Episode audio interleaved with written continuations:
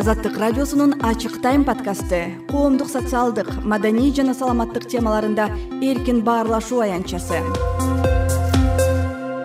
бүгүн вино жөнүндө сүйлөшөбүз. Чынын айтканда вино ичүү маданияты менен биз төрөлгөн эмеспиз да. Кыргызстанга барсаң бир он жыл мурда барсаң ак вино сурасаң жылуу кылып алып келип берет көргөнүбүз эле арак коньяк туурабы эмне үчүн ичишет аны кандай ичет? Вино өстүргөн адамдар жүзүмдү эккенден мурда ошол топуракты алып кадимкидей ордуна салып топурактын даамын көрөт. Эң эле маанилүү сөз бул жерде мерчемин таап байкап ичиш деген сөз. Түбүнө чейин көтөр деген өзүнчө бир маданият барго бизде. Кээ бир винонун түрлөрүн бир кылым эки кылымга чейин сактаса болот. Карасаңыз алар аукциондо сатылып атышат баалары алты миллион еврого чейин барган винолор бар. Кандай вино ичпегин? Эгер көп ичсең баары бир башың ооруйт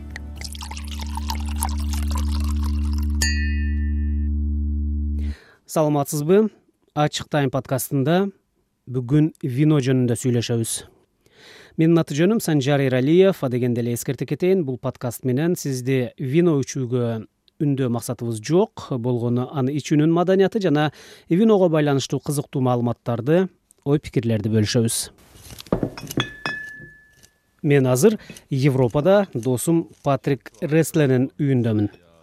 Ал мага кызыл вино куюп жатат бүгүн столдо ак вино болушу мүмкүн эмес. Себеби дасторкондо уй этинен гана жасалган тамактар турат. Анын үстүнө кыш болгондуктан мен муздак иче албайм. Бөлмө температурасында бир гана кызыл вино сакталат. Калгандарын муздак ичиш керек. Ошондуктан бүгүнкү биздин тандоо кызыл вино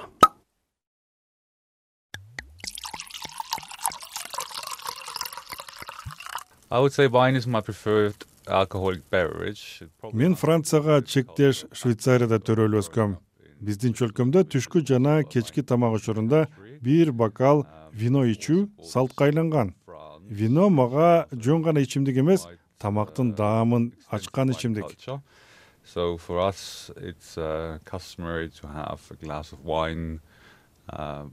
Патрик айткандай вино көпчүлүк европалыктардын тандоосу. Бул алардын күнүмдүк тамак ашынын бир бөлүгү аны эч кандай салтанатсыз эле ичишет бирок мен туулуп өскөн кыргызстанда шарапты көбүрөөк аземдерде дасторконго коюшат. Ошондуктан менде күн сайын ичүү аракечтикке жетелеши мүмкүн эмеспи деген суроо пайда болду. Uh, кызыктуу суроо экен. Бул албетте ар бир адамдын жеке жоопкерчилигинен көз каранды эгер тамактанаарда ичерде жоопкерчиликти сезсеңиз анын зыяны жок. ичүүдө аша чаап көнүп калууга жеткирбешиңиз керек. Көнүп калды деген кандай болушу мүмкүн? Сиз тамак менен кошо вино ичкенде даамдын палитраларын байкабай каласыз. Винону конокторго башка өзүмө башка деп бөлүп сатып албаймын. Себеби винонун баары эле каалаган тамак менен айкалыша бербейт коногума же өзүмө куя турган вино дасторкондогу тамактан көз каранды.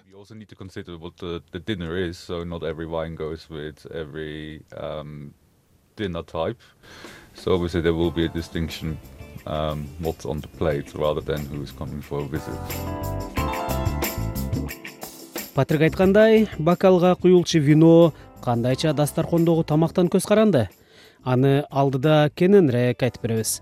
Баса бул программаны даярдоодо мен кесиптештерим амирбек азам уулунун жана төрөкулдооровдун шарап тууралуу жазган кызыктуу макалаларынан маалыматтарды колдоном. Ошентип патриктин үйүндөгү кечки тамактануу учурунда менде вино тууралуу подкаст жаздыруу идеясы пайда болду. Меймандостук үчүн патрикке ыраазычылык билдирип үйгө кайттым жол ката бакыт азимканов жана төрөкул дооров аттуу тааныштарыма байланышып вино тууралуу баарлашууга чакырдым. Вино же шарап даярдалышы сакталышы жагынан өтө назик ичимдик. Анын баасы жасалган жылына өндүрүлгөн аймагына жараша бааланат. Мисалы быйыл же былтыр жасалган шараптар салыштырмалуу арзан ал эми үч жылдан көп сакталган болсо наркы өсө берет. Анан албетте вино чыгарган компаниянын аброю да шараптын баасын аныктайт. Биринчиден ар бир винонун өзүнүн өзгөчө даамы болот анан винонун дагы түрлөрү болот анан десерттик вино анан кургак вино анан бул бакыт азимканов германиянын мюнхен шаарында жашайт. Көп жылдан бери вино жана аны даярдоо ыкмаларына кызыгып жүрөт? Мисалы үчүн кызыл эт менен кызыл вино кой алып келип аны союп жесеңиз кызыл эт анан ошого бийик тоодо өстүрүлгөн жүзүм менен кызыл вино менен кошуп жеп ошону уртасаңыз ошол сиз жеп аткан кызыл этке өзгөчө даам берип ошол даамдын жаңы боектору ачылат да сиз мурда байкабаган даамдарды дагы сезесиз. Жеңил тамак болсо же мындай ак эт болсо тооктун эти болобу же үндүктүкү же балыктыкы болсо анда жакшы бир муздак ак вино ичсеңиз ал дагы ошол баягы тилиңиздин учундагы рецепторлор дагы ошол тамактын даамын башкача кабыл алат. Мисалы үчүн жайындасыз күндүн аптабында бир роза винону ичсеңиз ал дагы жакшы. Вино этикетине ылайык тамактан мурун бир аз ууртап койсоңуз ал сиздин табитиңизди ачып тамактан ырахат алууга жардам берет эл аралык жүзүм жана шарап уюмунун аныктамасына ылайык винодогу спирттин курамы сегиз жарым проценттен кем болбош керек. Бирок климаттын топурактын жүзүм сортторунун сапатынын өзгөчөлүгүн эске алуу менен жети процентке чейин азайтылышы мүмкүн. Бирок кээ бир өлкөлөрдүн улуттук мыйзамдары бул чекти беш жарым процентке чейин төмөндөтөт. Чынын айтканда вино ичүү маданияты менен биз төрөлгөн эмеспиз да. Төрөкул дооров азаттык радиосунун казак кызматынын жетекчиси. Кыргызстанда жалпы эле борбор азияда вино ичүүнүн маданияты деген башка бир топ мамлекеттерге караганда мисалы европадагы мамлекеттер менен салыштырып көргөндө деле анчалык деле өнүккөн эмес. Бир көргөнүбүз эле арак коньяк туурабы винону мен көбүрөөк ушул европага келгенден кийин мындай тереңирээк кызыгып карап баштадым эмне үчүн ичишет? Аны кандай ичет бул жөн эле бир алкоголдук ушул ичимдиктердин бириби же бир ушул коомдогу кайсы бир катмардын жогорураак турган катмардын өзүнө гана мүнөздүү түрүбү анан мындай карасам биз бизде көбүрөөк ичүү маданияты кандай? Мен азыр эксперт катары сүйлөбөйм жөнөкөй эле мындай байкоочу катары сырттан байкап жүргөн адам катары карасам төбүнө чейин көтөр деген өзүнчө бир маданият бар го бизде ай сен ичпей калдың сен калтырып койдуң деп. А виного келгенде ал иштебейт. Винону өтө жай ичишет. Э, өтө бир урттап э, ошол ар бир урттамда анын э, бөт жанагы даамын сезип мүнөзүн сезип ушул сезимдерди жакшылап бир адам алып туруп ичпесең ырахатын толук түшүнбөй калышың мүмкүн азыр вино дүйнөнүн бир катар мамлекеттеринде өндүрүлөт. Бирок шарап сүйүүчүлөр көбүрөөк франциянын италиянын жана грузиянын винолорун макташат. Эки миңинчи жылдан кийинки эсептерди ала турган болсок дүйнөдө эки миң жетинчи эки миң сегизинчи жылдары эң көп вино сатылган эки жүз элүү миллион литр интернеттеги ачык булактарда жарыяланган статистикалык маалыматтарга таяна турган болсок эки миң жыйырманчы жылы дүйнөдө эки жүз отуз төрт миллион литр вино сатылды. Андан кийинки жылдардагы эсептерди таба алган жокмун. Дүйнөдө винону эң көп экспорт кылган беш мамлекет франция италия испания австралия жана чили экен. Эң көп импорт жасагандар акш улуу британия германия канада жана кытай экспорт жана импорттун баалары миллиарддаган еврону түзөт. Мисалы францияда таза вино өндүрүүчүлөрдүн саны миңдин тегерегинде. Жалпысынан өлкөдө он төрт миңдей вино өндүрүүчү бар. Төрөкул дооров эки миң онунчу жылы бул өлкөгө барганда таза вино жөнүндө кызыктуу макала даярдап вино өндүрүүчүлөр менен баарлашып келген эле. Менин оюмда бул таза вино бул кымбат вино болчу да эми. Мен өтө эле жөнөкөй түшүнчүмүн. Кымбатпы демек жакшы вино дегенчи. Ал дайыма эле андай эмес экен эми албетте э, винонун баасына карата сапаты тууралуу дагы көп нерсени айтса болот бирок ошол эле кезде био вино деп алар э, таптакыр башка бир продукцияны түшүнүшөт экен. Маселен жерге табиятка болгон бир э, өтө жумшак мамилени дагы. Ал дегеним алар жөнөкөй эле бир темир соколор менен байланган бир тракторду колдонушпайт жүзүмдү өстүрүш үчүн. Алар ошол жыгачтан жасалган соко кол менен адам ар бир жүзүмдү өздөрү сүйлөшүп аны менен ушундай бир ушундай мамиле менен өстүрүшөт экен да. Ошондой мамиле менен э, топтолуп алынган жемишти жүзүмдү анан ачытып өтө аяр мамиле жасап ошонун негизинде жасалган вино алардын түшүнүгүндө э, био таза жакшы вино деп эсептелинет экен. Ошондо сурап көрдүм сиздер э, кантип ажыратасыздар? Эми жөнөкөй адам маселен мен кантип ажыратышым керек?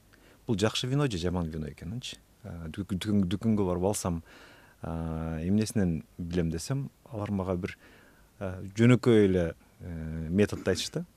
Эртеси күнү сенин башың ооруса демек бул жаман вино болгон деп. Бирок бул эми өтө жөнөкөй жооп да. Анын ичинде бир чоң мүчүлүштүк бар.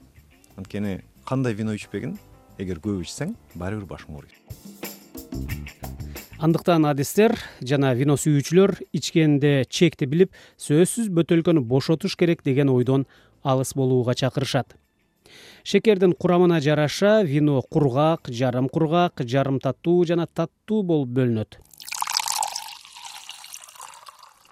Этикетке ылайык шарап бокалда ичилет. Шишеден жасалган туткасы узун жоонураак бокалдар кургак жана кызыл шараптарга ылайыкталган жарым таттуу шараптар үчүн кенен бокалдарды колдонуңуз. Кууш жана узун бокалдарга газдалган шарап же шампан виносун куясыз. Кичинекей бокалдар десерт жана ликор шараптарына арналган. Түсүн даамын баалоо үчүн жана шарапты айлантып ичүү үчүн бокалга винону толтурбай куюу керек. Шарап канчалык эски болсо ошончолук кылдат мамиле талап кылынат. Узакка сакталчу винонун капкагы үчүн корк эмен дарагынан жасалган тыгын колдонулат. Ал штопор менен ачылат. Эреже боюнча ак же кызгылт шарапты бокалга куярда ачыш керек. Ал эми кызыл винону кычкылтек менен каныктыруу үчүн отуз кырк мүнөт мурун ачкан жакшы. Негизи кыргызстанда вино ичүү маданияты эми гана калыптанып келатат десем болот. Албетте вино мурда дагы ичилген. Кыргызстанда вино өсөт э, жүзүм өсөт вино өндүрүлөт бирок бизде негизинен баягы таттуу анан десерттик вино деп коет. Ошону көп ичип үйрөнүп калган да ошол ошо табити ошого көнүп калган. Азыр эми гана бизде мындай кургак вино анан жартылай кургак дегенге эми тенденция байкап баштадым да. Мисалы үчүн кыргызстанга барсаң бир он жыл мурда барсаң ак вино сурасаң баягы жылуу кылып алып келип берет жылуу эле баягы бөлмөнүн температурасындагы азыр эми ак вино деп сурасаң муздатылган алып келет. Демек бул ошол вино ичүү маданияты калыптанып элге сиңип баратат дегенди туюндурат кыргызстанда винолор жүз сомдон беш миң сомго чейин сатылат. Албетте булар мен өзүм көргөн баалар а балким мындан башка нарк да болушу мүмкүн. Ал эми европада күнүмдүк үчүн эң көп сатып алынгандары алтыдан жыйырма еврого чейин. Кээ бир жерлерде өтө кымбат бааларды да көрөсүз. Ошо жүзүм өстүрүлгөн жерди жердин суусуна анан топурагына анан мисалы үчүн вино өстүргөн адамдар ошо ошо жүзүмдү эккенден мурда ошол топуракты алып кадимкидей ооруна салып топурактын даамын көрөт тили менен. Текшерип баягы орусча айтканда почва ведения деген предметти окушат ошо вино өндүргүчтөр. Ошол топурактын составына дагы карайт да эгер топурак аябай жакшы борпоң топурак болсо ошол жерде өстүргөн жүзүм дагы жакшы болот ал жерде өстүргөн винонун дагы баасы бир аз үйдө болот. Себеби бул топурактын баягы сапатына дагы көп көз каранды болот да баасы. Кээ бир винонун түрлөрүн бир кылым эки кылымга чейин сактаса болот. Токсон тогуз пайыз бул кызыл винолор көп өтө көп сакталат. Мисалы үчүн деңизге чөгүп кеткен кайыктардан винолорду таап чыгып атышат ошол кайыктардагы чөгүп кеткен кайыктар винолордун карасаңыз алар аукциондо сатылып атышат. Ошол жүз жылдан ашык вино баалары алты миллион еврого чейин барган винолор бар негизи винону сактоо мөөнөтү чындыгында узак кызыл винодон көп сактаса болот. Адистердин айтымында винонун тазасында жүзүмдүн өзүнүн ширесинен сырткары эч нерсе болбошу керек. Бирок айрымдарына химиялык заттар кошулаары айтылып жүрөт. Чет элде байлардын гектарлаган жүзүм талаалары вино чыгарган заводдору бар азыр кыргызстандагы дүкөндөрдө винонун түрлөрүн табасыз. Анын кайсы бири өлкөнүн өзүндөгү айтылуу шампан вин комбинатта же аймактардагы вино заводдорунда өндүрүлгөн айрымдары чет мамлекеттерде даярдалган. Кыргызстанда вино өндүрүп э, өтө бир чоң масштабтуу э, экспорттоого көзүм жетпейт. Бирок э, мисалы үчүн чакан өлкөлөрдө эле вино өндүрүп аябай чоң жетишкендиктерге жетишкен өлкөлөр бар да. Мисалы үчүн ливанда вино ошо винону баалагандар ошону таап издеп ичишет. Өндүрүүчү ишканалар деле аз бирок алар ошолордун какой то бир нишаны ээледи да. Мисалы үчүн кыргызстандагы тоолуу өлкө бизде топурак борпоң жакшы сууларыбыз таза жүзүмдөрүбүз жакшы ошолордун бир винонун баягы эл аралык стандартка дал келген сапаттап чыгарса анан жүзүмдүн ошол именно виного ылайыкталган сортторун өстүрүп чыгарса албетте өзүнүн ордун ээлейт. Орто кылымдарда бүгүнкү иран ооганстан пакистан орто азия мамлекеттери азербайжан жайгашкан чөлкөмдө шарап ичүүнүн маданияты болгонун адабий жана тарыхый булактар күбөлөйт орто кылымдардагы ислам өлкөлөрүндө шарапка шарият тыюу салганы менен шарапканалар болуп анда элдин орто катмары күндүн нуру чыкканга чейин шарап ичип көңүл ачышканы айтылат. Вино тарыхый чыгармаларда деги адабиятта да көп кездешет. Ошо орто кылымдардагы чоң ойчулубуз э, акын омар хаям эми шарап жөнүндө көп жазбадыбы? Ал киши дагы ошону жазып өткөн маселен айткан. Катылган аалам сырын кимдер билет дүйнөдөн бири кетсе бири келет. Ачыгы дүйнө идиш а биз шарап идишке куюш турат бизди ченеп. Шарап ичпөө бизде тартип бирок да азыр көптүр ким менен кай убакта мерчемин таап байкап ичсең ичкенде акылдуулук кемтик да эмес уят да деген. Эң эле маанилүү сөз бул жерде мерчемин таап байкап ичиш деген сөз. Мурзагапаровдун чыгармасы бар да буурул түндө туулган кыз деген. Мен жакында ошону окуп бир чети мындай таң калдым да анын мындай жери бар экен эми бул диалог. Эми чанашты алып кел деп буйрду абышка небересине өзү оттун жанына мандаш урунуп отуруп алып бала казанга көмүлүп аткан чанашты сүйрөп келди. Абышка шашпастан анын оозун чечти. Чанаштан ачыган жүзүмдүн кычкыл жыты буруксуп быжырап кайнаган добушы угулду түзүк деди абышка кийин чанаштын оозун түрүп узакка жутту ох жакшы ачыптыр жаныбар ме ал чанаштын оозун өзүн жалдырап карап тамшанып турган небересине тутту бала тооктун жүжөсү сымак мойнун узун созуп алып кан канча шимирди мына ушундан кийин абышка жейдесинин чөнтөгүнөн теспесин сууруп чыгып аны жай тартууга киришти. Ошол эле учурда кыңылдап өзүнүн эң жакшы көргөн ырын баштады. Мас булбул жол алды гүлүстөн жакка. Винону ар кайсыл элде ар кандайча атап жүрүшөт. Мисалы түрк тилдүүлөр же фарсиде сүйлөгөндөр шарап дешет. Бирок ага карабай вино деген аталыш да сакталган. Ал латынча винум дегенден алынган. Винум күч дегенди билдирет. Баардык алкоголдук ичимдиктердин анын ичинде шараптын да негизи этанол экенин эстен чыгарбоо керек. Дозасына жараша акыл эстин кылат гарвард медициналык мектебинин окумуштуулар тобу виного эксперимент жүргүзгөндө аны такай ичүү организмдеги майларды эритип салмакты азайтаарын аныкташкан сиз азаттык радиосунун ачык тайм подкастын уктуңуз аны жаңы жыл арапасындагы бул чыгарылышында вино же шарап тууралуу сөз кылдык. Менин аты жөнүм санжар эралиев подкастты даярдоого швейцариялык патрик ресле мюнхенде жашаган кыргызстандык бакыт азимканов жана азаттык радиосунун казак кызматынын жетекчиси төрөкул дооров жардам беришти. Азаттыктан подкаст угуңуз биз сизге кызыктуу жана орчундуу темалардагы баян маектерди эми подкаст платформаларда да сунуш кылабыз. Коомдук социалдык маданий актуалдуу темаларды талдаган ачык тайм подкасты. Ачык тайм подкасты. Бизди iтюнс google подкаст жана spotifyдан ошондой эле азаттык чекит орг сайтынан тыңдаңыз